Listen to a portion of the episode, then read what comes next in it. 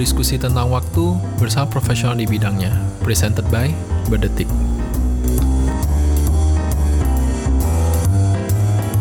Hmm. Lo bikin bangunan, lo lo nggak akan bisa nyuruh apa ngumpetin bangunannya itu udah nggak bisa lo akan selalu kelihatan sama orang gitu bangunannya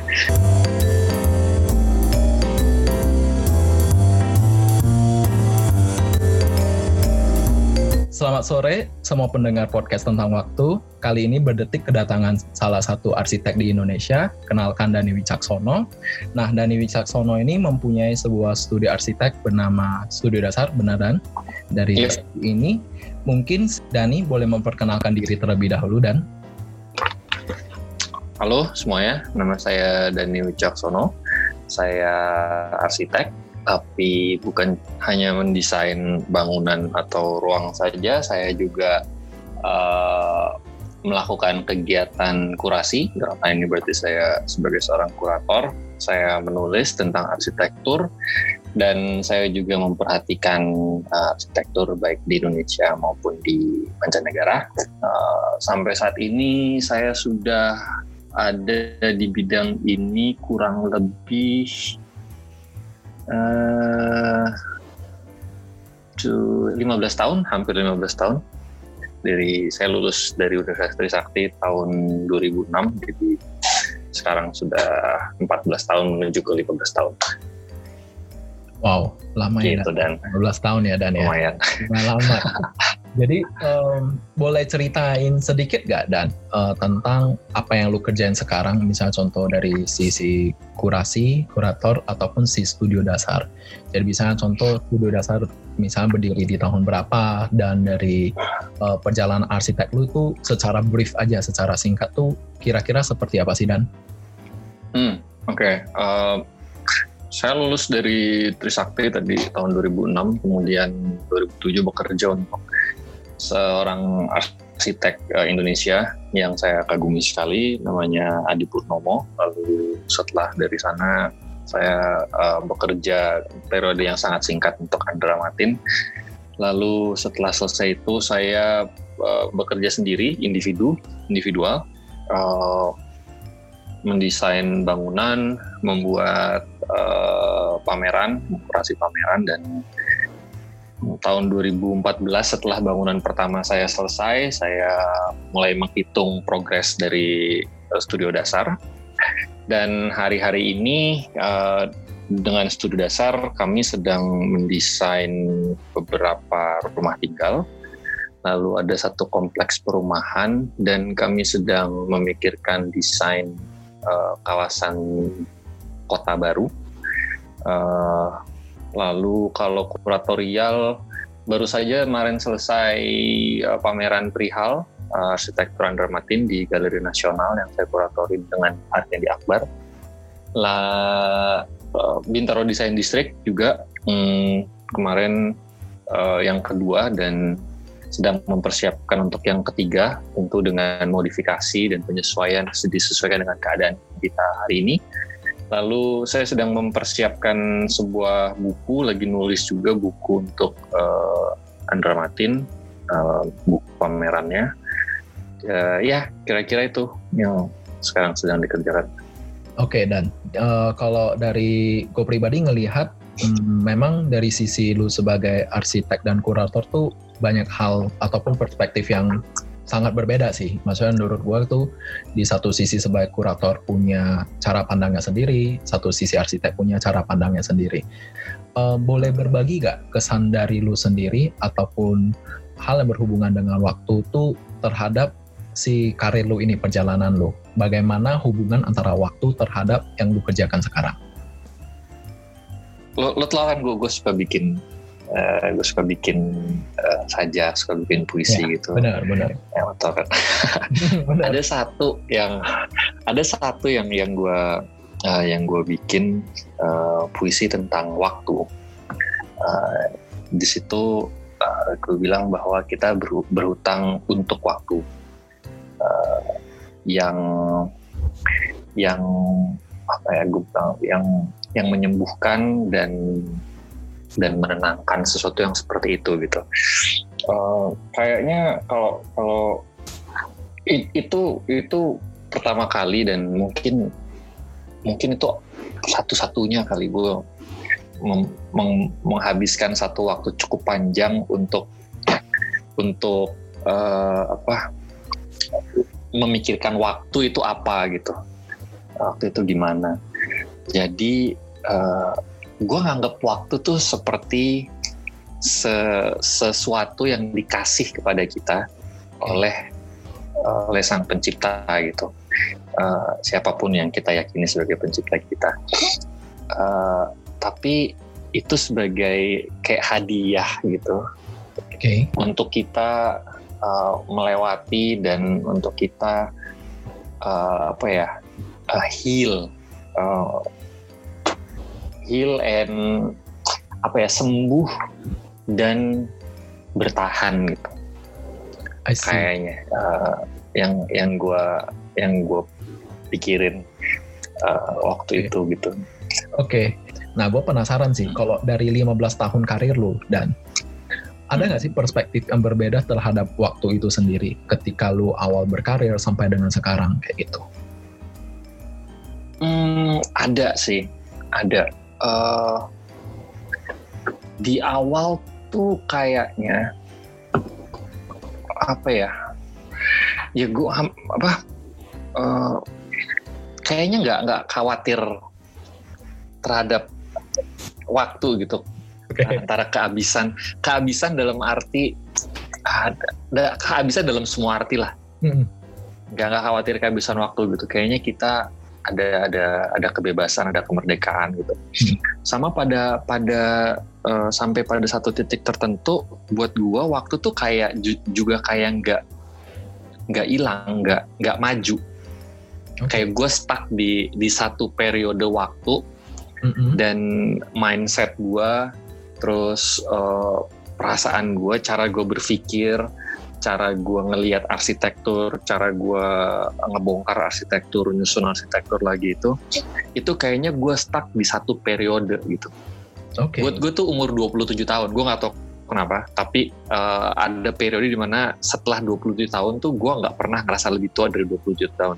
Okay. Jadi gue selalu 27 tahun, gue nggak tahu kenapa gitu. Okay. 27 tahun tuh ada ada yang nggak nggak tahu kenapa lah gitu okay. tapi mindset gue kepala gue terus cara gue ngebongkar uh, banyak hal uh, intensitas terus antusiasme gue terhadap menemukan yang belum pernah ditemukan atau mencari ulang melihat ulang itu ngebuat diri gue dan gue ngebuat diri gue selalu ada di 27 tahun.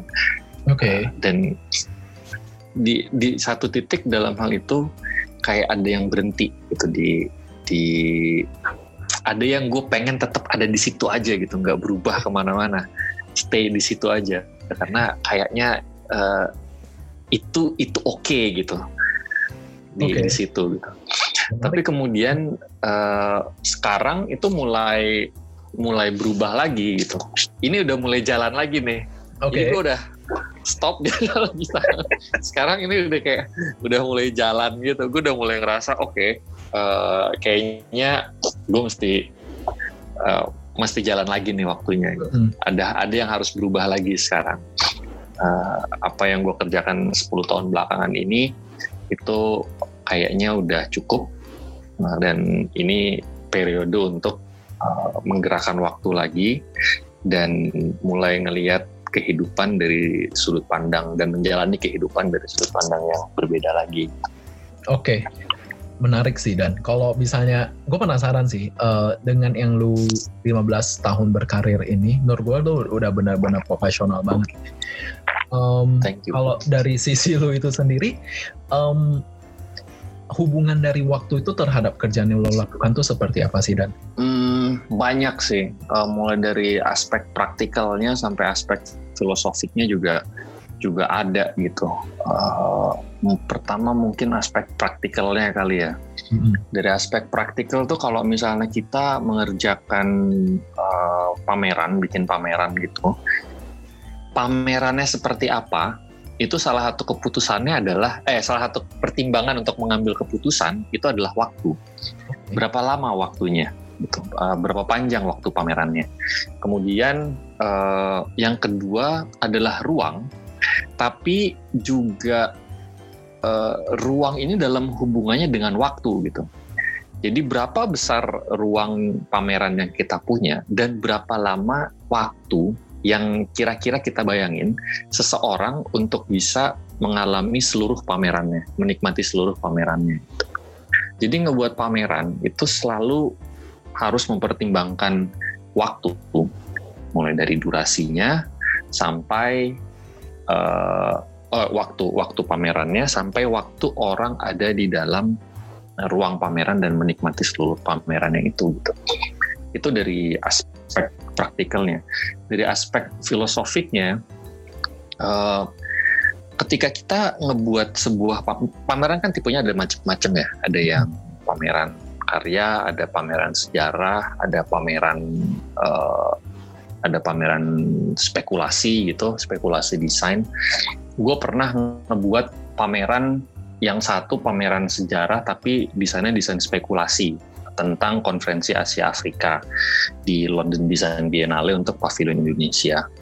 Terus uh, gue pernah bikin uh, pameran narasi mengenai sejarah arsitektur Indonesia, ya, bikin di Brussels gitu. Terus gue pernah bikin juga yang terakhir pameran perihal tentang karya-karya dari karir dari seorang arsitek dari awal karirnya sampai terakhir kemarin itu tahun tahun uh, 2020 eh 2019 uh, ketika kita membawa orang ke sana sebenarnya kita sedang membawa orang untuk melintasi waktu uh, dan masuk ke dalam ke dalam sebuah uh, kerangka waktu yang kita bikin yang kita set up gitu waktu kita di London Design Biennale itu kita ngebuat uh, desain fiktif tentang konferensi Asia Afrika. Okay. Itu kita bikin seolah-olah orang itu masuk ke sana, mereka feel-nya tuh perasaannya kayak mereka balik ke 1955 lagi. Hmm. Ada suara pidato, ada nyanyi-nyanyian, kemudian ada rekaman yang diulang-ulang, ada uh, apa clipping-clipping koran, ada goodie bag dari konferensi Asia Afrika gitu yang kita kita hadirin di sana. Jadi kita ketika kita membuat itu kita sedang membawa orang untuk pindah ke waktu lampau gitu.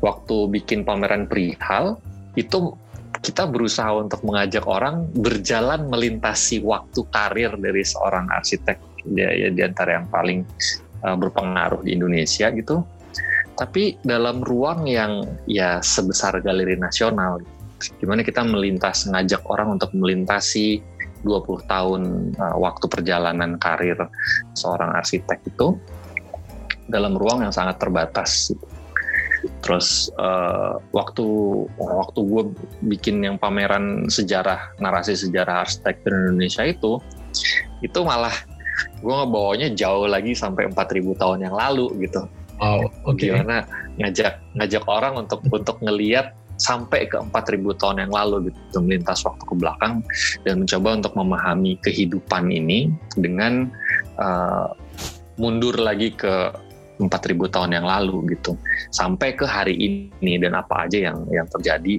selama itu gitu kira-kira jadi uh, pameran itu itu banget apa hubungannya erat sekali sama sama waktu. Bener. Kalau gue ngerasa memang dari sisi yang lu bisa ngejelasin hal ini tuh, waktu itu jadi satu elemen yang sangat-sangat krusial ya di sini ya, Den. Jadi kayak yeah. benar-benar faktor yang diperhitungkan banget. Dan ketika gue juga yakin pendengar ketika mendengarkan hal ini juga penasaran sih dan kayak um, ada tips gak ataupun ada saran kayak gimana orang itu bisa memiliki karir yang lu jalanin. Hmm. Gue pengen jadi kurator nih, ataupun gue pengen jadi orang yang nge-set up tentang pameran atau gimana. Nah itu sebenarnya cerita awalnya tuh gimana sih Dan? Kalau dulu gue kayak gini karena nggak ada orang yang lakuin apa yang gue lakuin dulu waktu gue masih waktu gue awal-awal lulus. Okay. Awal lulus tuh nggak ada profesi kurator arsitektur, nggak dikenal gitu profesi kurator arsitektur. Nah nama profesi kurator arsitektur tuh baru keluar pertama kali bis ada gitu dalam dalam sejarah arsitektur Indonesia tuh tahun 2007 belum lama kan 2007 Iya, iya. Itu baru 13 tahun yang lalu, nggak terlalu lama. Itu yang pertama adalah Amir Sidarta. Kalau lo tahu Amir Sidarta, uh, arsitek juga, tapi sekarang lebih ke dunia seni. Itu kurator pertama di situ gue melihat, oh ada ada yang namanya profesi kurator ya gitu. Dan karena zaman 10-15 tahun yang lalu itu acara arsitektur itu nggak ada, jadi membosankan Nah, kayak waktu tuh jadi pendek banget karena gak ada acara apa-apa gitu. Bosenin banget. Jadi uh, gue sama temen-temen kita mulai bikin acara, bikin acara-acara gitu dan uh, mulailah kita bikin pameran, uh, sering bikin pameran dan kita pikir kita perlu memperkenalkan kurator arsitektur karena nggak ada kurator arsitektur gitu. Waktu itu kita uh, nge-hire kurator arsitek, kurator arsitektur. Lalu di berikut berikutnya mulai mulai gua yang yang jadi kurator. Karena sebagai kurator uh, harus ini terutama di Indonesia ya dalam hubungan sama arsitektur dan desain gitu.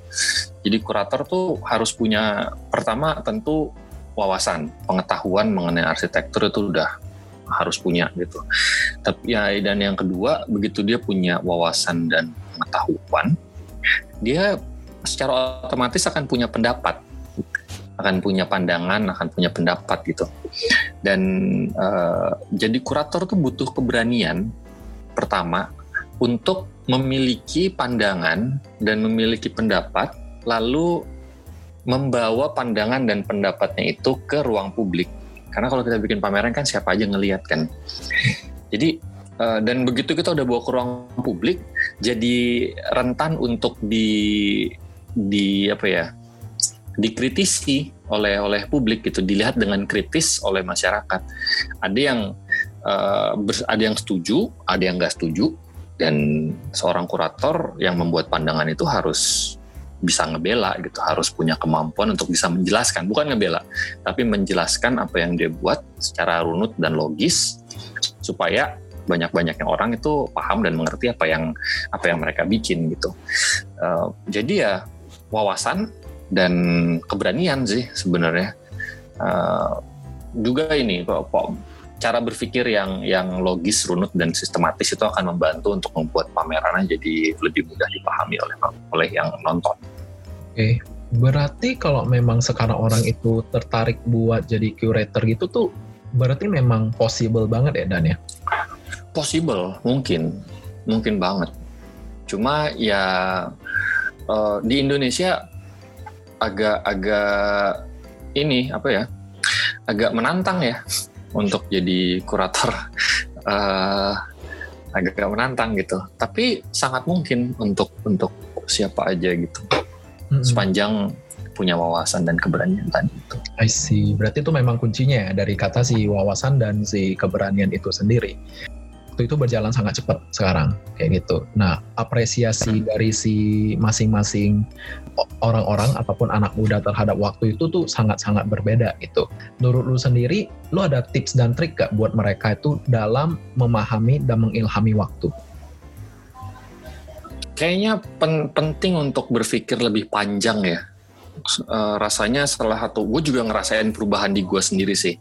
Uh, salah satu masalah yang sekarang uh, menurut gue bukan masalah sih keadaan yang sekarang ada adalah uh, semuanya tuh jadi jadi pendek uh, short attention gitu. Uh, semuanya harus harus yang pendek-pendek harus cepat berubah. Uh, apa yang di informasi yang dihadirkan kepada orang itu sekarang jumlahnya harus lebih banyak lagi gitu. Apa yang kita bisa sampaikan dalam lima kalimat, sekarang itu harus jadi enam judul misalnya, uh, dibikin dan harus di apa disampaikan sehari itu 6 sampai 8 kali gitu. Jadi harus ada. Menurut gue dengan adanya ini dengan dengan karakteristik yang seperti ini, waktu tuh semua jadi lebih kelihatan lebih pendek-pendek tapi banyak gitu. Ruang waktu tuh jadi jadi sempit, pendek, kecil tapi banyak. Ini mungkin kenapa kemudian uh, waktu jadi kerasa lebih cepat hilangnya Hmm. Kita sekarang ngerasa tiba-tiba udah sore lagi, tiba-tiba udah ini. Hmm. Karena kita selalu merelasikan waktu dengan perjalanan, dengan mencapai tujuan dari satu titik ke titik lain. Apa yang ngebuat waktu jadi lama adalah ketika kita cuma punya satu tujuan, tapi untuk mencapainya ini tuh butuh waktu yang panjang banget gitu loh, hmm. untuk sampai ke sini. Sedangkan sekarang dalam sehari tujuan-tujuan kita ini itu jadi kecil-kecil tapi banyak Hmm. Kita jadi nggak ngerasa nggak ngerasa nggak ngerasa perjalanan yang panjang lagi gitu. Kalau kita ngebaca berita atau uh, ngebuka ya sekarang semua orang ter, terikat dengan Instagram kan. Ketika kita ngebaca Instagram, tujuan kita untuk ngeliat satu post kan orang ini ngomong apa sih atau post ini tentang apa gitu. Semua jadi short, jadi pendek gitu. Uh, dan kita juga pengennya semuanya pendek cepet-cepet gitu kan sekarang jadi kerasa kayaknya orang tuh kalau panjang nggak mau merhatiin lama-lama langsung pergi gitu mungkin karena itu kali waktu kemudian jadi pendek mungkin kalau kita mau mau pelan gitu mau uh, menghargai waktu mau bener-bener apa ya ngerasain kehidupan hidup tuh seperti apa mulai bikin goals yang tujuannya panjang-panjang yang perjalanannya panjang gitu. Yang untuk mencapainya tuh lama. Entah itu apa gitu. Jadi tapi set goals yang yang apa ya bikin waktu jadi melar gitu loh jadi kayak stretching times waktu jadi panjang gitu untuk mencapainya nggak lagi pendek. Dengan begitu kita jadi punya uh, perjalanan dan akhirnya kita jadi punya cerita yang lebih yang lebih tebel.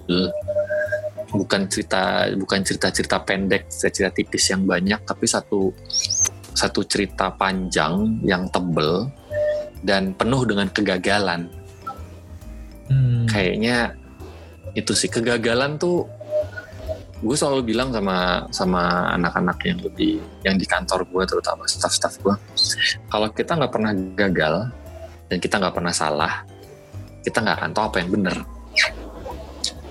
kalau kita makin banyak gagal kita makin tahu banyak yang benar gitu tapi jangan gagal dan jangan salah terus-terusan jangan gagal dan jangan salah dua kali gitu jadi ketika kita uh, barusan gue nonton dokumenter tentang uh, SpaceX uh, oh, SpaceX lagi gede kan beritanya sekarang. Banget. Mereka berhasil mereka berhasil mendaratkan roketnya berulang kali dan sukses gitu kayak segala macam. Gila banget sih. Uh, mereka bisa melakukan itu setelah melakukan beragam kegagalan berkali-kali gitu. Tapi hanya dengan begitu mereka tahu apa yang benar, apa yang benar, apa yang benar gitu. Uh, rasanya kalau tujuan kita dibikin pendek-pendek, kemungkinan kita untuk gagal itu jadi lebih kecil dan lebih sedikit. Hmm. Tapi kita kalau kita ngebuat tujuan yang uh, untuk mencapainya itu membutuhkan waktu yang panjang dan lama, di situ kita akan punya banyak gagal dan kita akan tahu banyak benar. Dan dengan begitu waktu jadi berguna buat kita. Benar.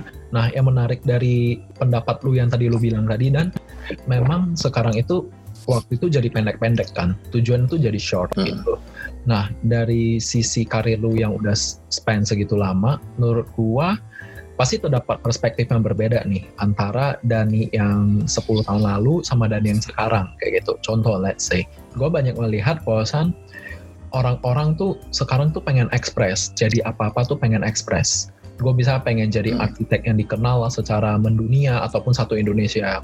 Gue pengen punya banyak karya gue pengen punya uh, beragam ragam portfolio yang bagus-bagus kayak gitu. Nah akhirnya gue gak mendinai ataupun gak bilang ini salah tapi ketika seseorang tuh baru lulus ada beberapa yang kayak langsung pengen buka studio langsung pengen ngejalanin apa ngejalanin apa gitu nah kalau secara personal dari sisi lu itu menurut lu secara pengalaman ya, hal yang menurut lu lebih baik dilakukan pertama kali itu seperti apa sih? Apakah lu belajar dulu dari kesalahan-kesalahan dan bekerja dulu, ataukah memang nikmatin waktu aja, lu buka firm atau lu buka studio udah bisa langsung ngejalanin kayak gitu? Uh, ter tergantung tujuan mereka apa. Kebanyakan sekarang tujuannya pengen dapat uang cepet kan, uh, makanya mereka uh, yang melakukan apa pun gitu. Uh, yang yang ber, sekarang yang yang langka tuh tujuan untuk menciptakan apa ya produk atau menciptakan arsitektur dengan kualitas tertinggi itu nggak banyak gitu nggak nggak nggak banyak hadir dan memikirkan arsitektur untuk mencapai ke dalam eh, kedalaman pemahaman yang dalam gitu. Pemahaman yang dalam untuk mencapai pemahaman yang dalam. Itu nggak banyak emang emang sekarang sekarang ini uh, ya mungkin situasinya membawa ke sini itu arsitektur tuh dilihat sebagai lebih berat sebagai alat untuk mendapatkan uang. Makanya banyak yang kayak tadi apa yang uh, lo sampaikan. Kalau kalau lo yang nggak ada hubungannya sama dunia arsitektur bisa ngomong begitu ya berarti mungkin seperti itu keadaannya gitu kalau menurut gue. Jadi emang uh, situasinya situasinya seperti itu gitu. Kalau apa yang baik menurut gue? Kalau kalau kalau gue bilang sih uh, harus harus kerja dulu sama sama orang lain harus kerja dulu, harus uh, mencari tahu lebih dalam lagi tentang arsitektur, harus uh, eksplorasi lagi, memikirkan banyak hal, mengetahui banyak hal, menambah wawasan. Itu penting banget dan sangat krusial karena uh, sebenarnya kualitas pendidikan arsitektur kita di Indonesia nggak bagus-bagus banget hmm. bukan yang terbaik di dunia gitu. Uh, nggak nggak oh ya nggak bagus-bagus banget lah. Jadi kita kalau misalnya kita mau sadari dari sudut pandang yang berbeda itu kita sebenarnya lulus dari sistem pendidikan yang kurang bagus dan karena itu kita juga sebenarnya lulusnya nggak bagus-bagus banget. Uh, biasa-biasa aja gitu bukan arsitek yang secara potensi kita tuh secara general arsitek-arsitek di Indonesia tuh uh, nggak nggak bagus-bagus banget lah gitu. Jadi ya harus harus belajar eh, lebih banyak lagi ketemu dengan lebih banyak orang mendengar lebih banyak mem, mem, mengumpulkan informasi lebih banyak membuka wawasan menambah wawasan menerima kemungkinan uh, tidak percaya pada satu kebenaran. Uh, banyak yang harus dilakukan sih sebenarnya ketika baru lulus. Uh, dan pilihan ada pada masing-masing gitu. Kalau emang pengen langsung buka studio, ya hal itu dimungkinkan. Kalau ingin kerja di orang lain dulu, sama semua orang lain dulu, semua arsitek hebat Indonesia yang saya kagumi dan yang saya kenal, nggak ada yang langsung buka kantor sendiri. Oke. Okay. Ada tapi nggak banyak. Oke. Okay itu mereka kasus khusus sih bukan bukan orang yang anomali ya. yang anomali. Anomali. Bukan yang akan saya kalau bukan yang akan saya usulkan untuk diikuti jejaknya kalau gue penasaran juga sih dan. Kayak sampai kapan seorang individu itu bisa ngerasa dirinya tuh cukup matang untuk ngehadapin yang benar-benar dia pengen jalanin sih? Jadi kalau gue selalu bilang gini ketika satu desainer ya, maksudnya case gue tuh desainer keluar, itu tuh dia masih mentah banget sih. Apa yang kita hmm. pelajarin di universitas itu tuh menurut gue yang kepake tuh mungkin 10%, 20%, tapi lu cara negotiate ke orang, lu cara nge-tackle semua brief itu tuh menurut gue tuh lu harus belajar di dunia kerja kayak gitu. Hmm. Nah, kalau dari sisi lu itu kan lebih deep lagi kan, misalnya lu ke bagian letter, atau lu ke bagian arsitek udah dalam banget. Nah, menurut lu at least itu tuh butuh berapa lama sih dan untuk seseorang itu benar-benar bisa matang? Minimal 10 tahun. Minimal 10 tahun. Minimal gitu. Tapi kalau lo jadi arsitek, ada ada orang bilang kalau lo jadi arsitek itu lo nggak pernah nggak pernah bener-bener jadi jadi gitu dalam tanda kutip karena lo akan akan terus belajar gitu Uh, 10 tahun pertama lo belajar hal yang berbeda, dekade kedua lo belajar hal yang berbeda lagi, yang ketiga lo belajar yang berbeda. Sampai uh, waktu lo berhenti atau meninggal gitu, udah udah stop gitu karir lo, lo sebenarnya meninggal dalam keadaan sebagai orang yang masih belajar dan sedang belajar. Karena uh, salah satu apa ya bukan traits dasar tapi apa ya syarat salah satu syarat untuk jadi arsitek adalah lo harus terus kita harus terus uh, apa namanya sensitif terhadap perubahan yang terjadi dalam kehidupan. Ketika kita terus-terusan mengamati perubahan, berarti kita terus-terusan mengumpulkan informasi, mencoba untuk memahami, menganalisa. Itu kan proses belajar. Benar. Uh, sebagai arsitek itu harus harus melakukan hal itu, gitu. harus terus mengamati perubahan dan terus sensitif terhadap perubahan-perubahan yang berlangsung. Jadi 10 tahun pertama tuh baru baru ini doang sih baru apa? Uh, ya baru baru belajar nafas baru benar-benar belajar untuk gimana caranya bersikap di profesi ini gitu uh, 10 tahun pertama gitu uh, jadi ya itu minimal sih oke okay. kalau dari sisi lu sendiri ada pesan khusus gak dan buat calon-calon arsitek ke depannya yang mendengarkan podcast ini antara berdetik dan lu, cara mereka nggak apresiasi apa yang mereka lakukan, menikmati waktu itu seperti apa, dan setiap kegiatan mereka itu kira-kira lu ada tips, kesan atau pesan buat mereka nggak? Um, mungkin nggak usah nggak usah pengen sukses dalam waktu cepat sih, nggak usah pengen terkenal dalam waktu cepat, nggak usah pengen dikenal dalam waktu cepat. Uh, tapi jadi jadi ini aja jadi arsitek yang yang baik yang tahu banyak tentang arsitektur paham tentang arsitektur uh, mencari pemahaman menambah pengetahuan uh, itu jauh lebih lebih bermanfaat dalam waktu yang panjang in the long run gitu daripada mengejar ketenaran mengejar popularitas atau pengen dikenal gitu.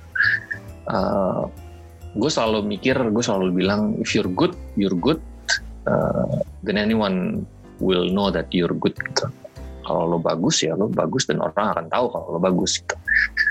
Uh, jadi udah just apa fokus aja menjadi bagus dan membuat hal-hal yang bagus gitu uh, dengan sendirinya uh, orang akan ya orang akan akan kalau kalau perlu kalau orang perlu tahu orang lain akan ngasih tahu kok gue selalu mikir gitu. Lo ingat gak gue pernah bikin pameran di One Fifteen waktu itu nggak ngasih tau siapa-siapa kan, karena gue pengen pengen ngetes teori ini gitu. Yeah. Bagus apa enggak? Ternyata nggak terlalu banyak yang datang, berarti emang nggak terlalu bagus dan nggak ada yang perlu dibuat-buat. Gitu. Dengan begitu kita jadi bisa evaluasi lagi. Uh, jadi kayaknya untuk generasi sekarang nih yang yang hidup dalam era self promotion dan independent marketing kayak gini itu perlu perlu memikirkan ulang mengenai tujuan untuk uh, menjadi terkenal dan dikenal. Oke, okay, menarik, menarik, menarik. Kalau dari sisi gue sih menarik banget sih. Maksudnya dari cara perspektif lu ya Dan ya. Jadi benar-benar beda sih. Ada something yang new banget yang kayak gue ngerasa wah waktu itu tuh di Jabarnya tuh bisa banyak banget gitu. Nah, uh, ada satu lagi last question gitu. Hmm, nah. Dari style, iya, berbicara tentang penampilan, dari style ataupun penampilan yeah. dan gitu. Nah, gue selalu melihat lu ketika lu di acara formal, di mana pun lu ketika lu nge-set up pameran gitu kan. Nah, lu punya that kind of yang kayak bukan standar juga, gue bilang gimana ya, tapi kayak your style gitu loh, yang kalau bisa gue bisa ngelihat lu berpakaian black and white, misalnya let's say, atau misalnya kayak Mas hmm. Andra Martin juga berpakaian seperti black and white gitu. Nah, itu tuh ada pemikiran atau pemahaman di belakangnya nggak sih dan ataukah itu memang the way kalian tuh sebagai arsitek yang udah sampai that level yang ngerasa hal ini tuh paling comfort, hal ini tuh yang paling nyaman untuk uh, bercerita tentang karakter kalian, bercerita tentang siapa itu kalian gitu. Nah, itu sebab pemikiran di belakangnya tuh gimana sih dan? Oh, gimana ya? mungkin sebenarnya yang kita kejar pertama-tama tuh rapih sih. Yang gue kejar pertama-tama adalah rapih gitu.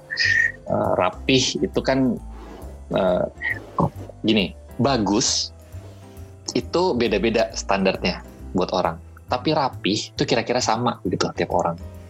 rapih itu sama uh, gimana pun representasi kita uh, tapi bisa tetap rapi kaos hitam dengan uh, celana uh, hitam gitu ya udah udah cukup gitu aja gitu uh, kalau tentang kalau tentang baju sih uh, menurut gue bisa bisa diceritain banyak ada beberapa teori dari gue sendiri ya. Oke. Okay. Pertama gue selalu bilang kalau kalau karena kita kan lebih lebih sering kelihatan pakai baju hitam-hitam gitu. Hmm. Kalau acara acara rame gitu kita pakai hitam-hitam. Karena kayaknya nih menurut gue ya arsi nggak pede kita. Arset uh, gue sih nggak nggak apa ya takut takut salah pakai baju gitu. Kalau hitam tuh lo kan nggak lo you, you can go wrong with black gitu lo udah safe gitu. Karena secara konstan kita itu berpikir tentang apa yang bagus dan apa yang indah. Jadi uh, kita tuh apa ya terus-terusan menilai sesuatu tuh bagus atau indah gitu. Bagus atau enggak indah atau enggak gitu maksud gue jadi kita takut kalau itu balik ke kita satu. Yang kedua karena kita udah capek mikirin yang lain-lain. Jadi kalau kita harus mikirin lagi buat baju tuh kayaknya aduh bawa waktu banget. Jadi makanya udah uh, yang penting rapi tapi uh, beres lah gitu apa uh, representable lah. Nggak nggak perlu terlalu uh, lavish atau gimana. Yeah. Nggak pengen nggak pengen menarik perhatian juga. Mungkin juga karena karena uh, tiap kali kita ngebuat bangunan itu sesuatu yang nggak bisa dielakkan sama orang kan Hmm. Nah, lo bikin bangunan lo lo nggak akan bisa nyuruh apa ngumpetin bangunannya itu udah nggak bisa. Lo akan selalu kelihatan sama orang itu bangunannya. Dan itu secara nggak langsung kan berarti menarik perhatian kita secara konstan berusaha untuk membuat orang uh, merasa merasa nyaman dengan kehadiran bangunan kita gitu. Jadi mungkin itu juga salah satunya adalah kita dengan cara kita berpakaian kalau datang ke keramaian, kita berusaha untuk ngebuat orang lain juga ngerasa nyaman waktu ngeliat kita. Lo bayangin aja kalau misalnya gue harus pakai baju warna-warni, gonjreng-gonjreng gitu kan pasti ada orang yang akan ngerasa nggak nyaman. Gitu. Gak mungkin semua orang suka dengan tabrakan warna atau baju gonjreng-gonjreng gitu kan nggak nggak mungkin gitu. Uh, ada orang-orang yang ya udah terserah itu dia ini gue, tapi kayaknya sebagai uh, seorang yang uh, mem membuat sebagai seorang yang berprofesi untuk menghadirkan objek di tengah ruang publik pendapat orang tuh jadi sedikit banyak jadi jadi kita pikirkan gitu. Walau kadang-kadang kita nggak mikirin, sering kita nggak mikirin. Okay. Uh, eh, tapi uh, ada waktu-waktu terutama ketika kita berpakaian gitu, uh, kita mikirin perasaan orang sih karena deket kan okay. agak agak kasihan juga. Gue sih kalau gue ya kalau gue sih kasihan gitu kalau gue pakai baju yang terlalu gimana gitu jadi lebih understated lebih lebih uh, tenang lebih rapih lebih okay. santai relax tapi kelihatan serius gitu. kelihatan kalau ketika kita bicara kita pasti pengen didengarkan kan Benar. orang masih bisa masih bisa ngelihat kita sebagai orang yang layak untuk didengarkan gitu.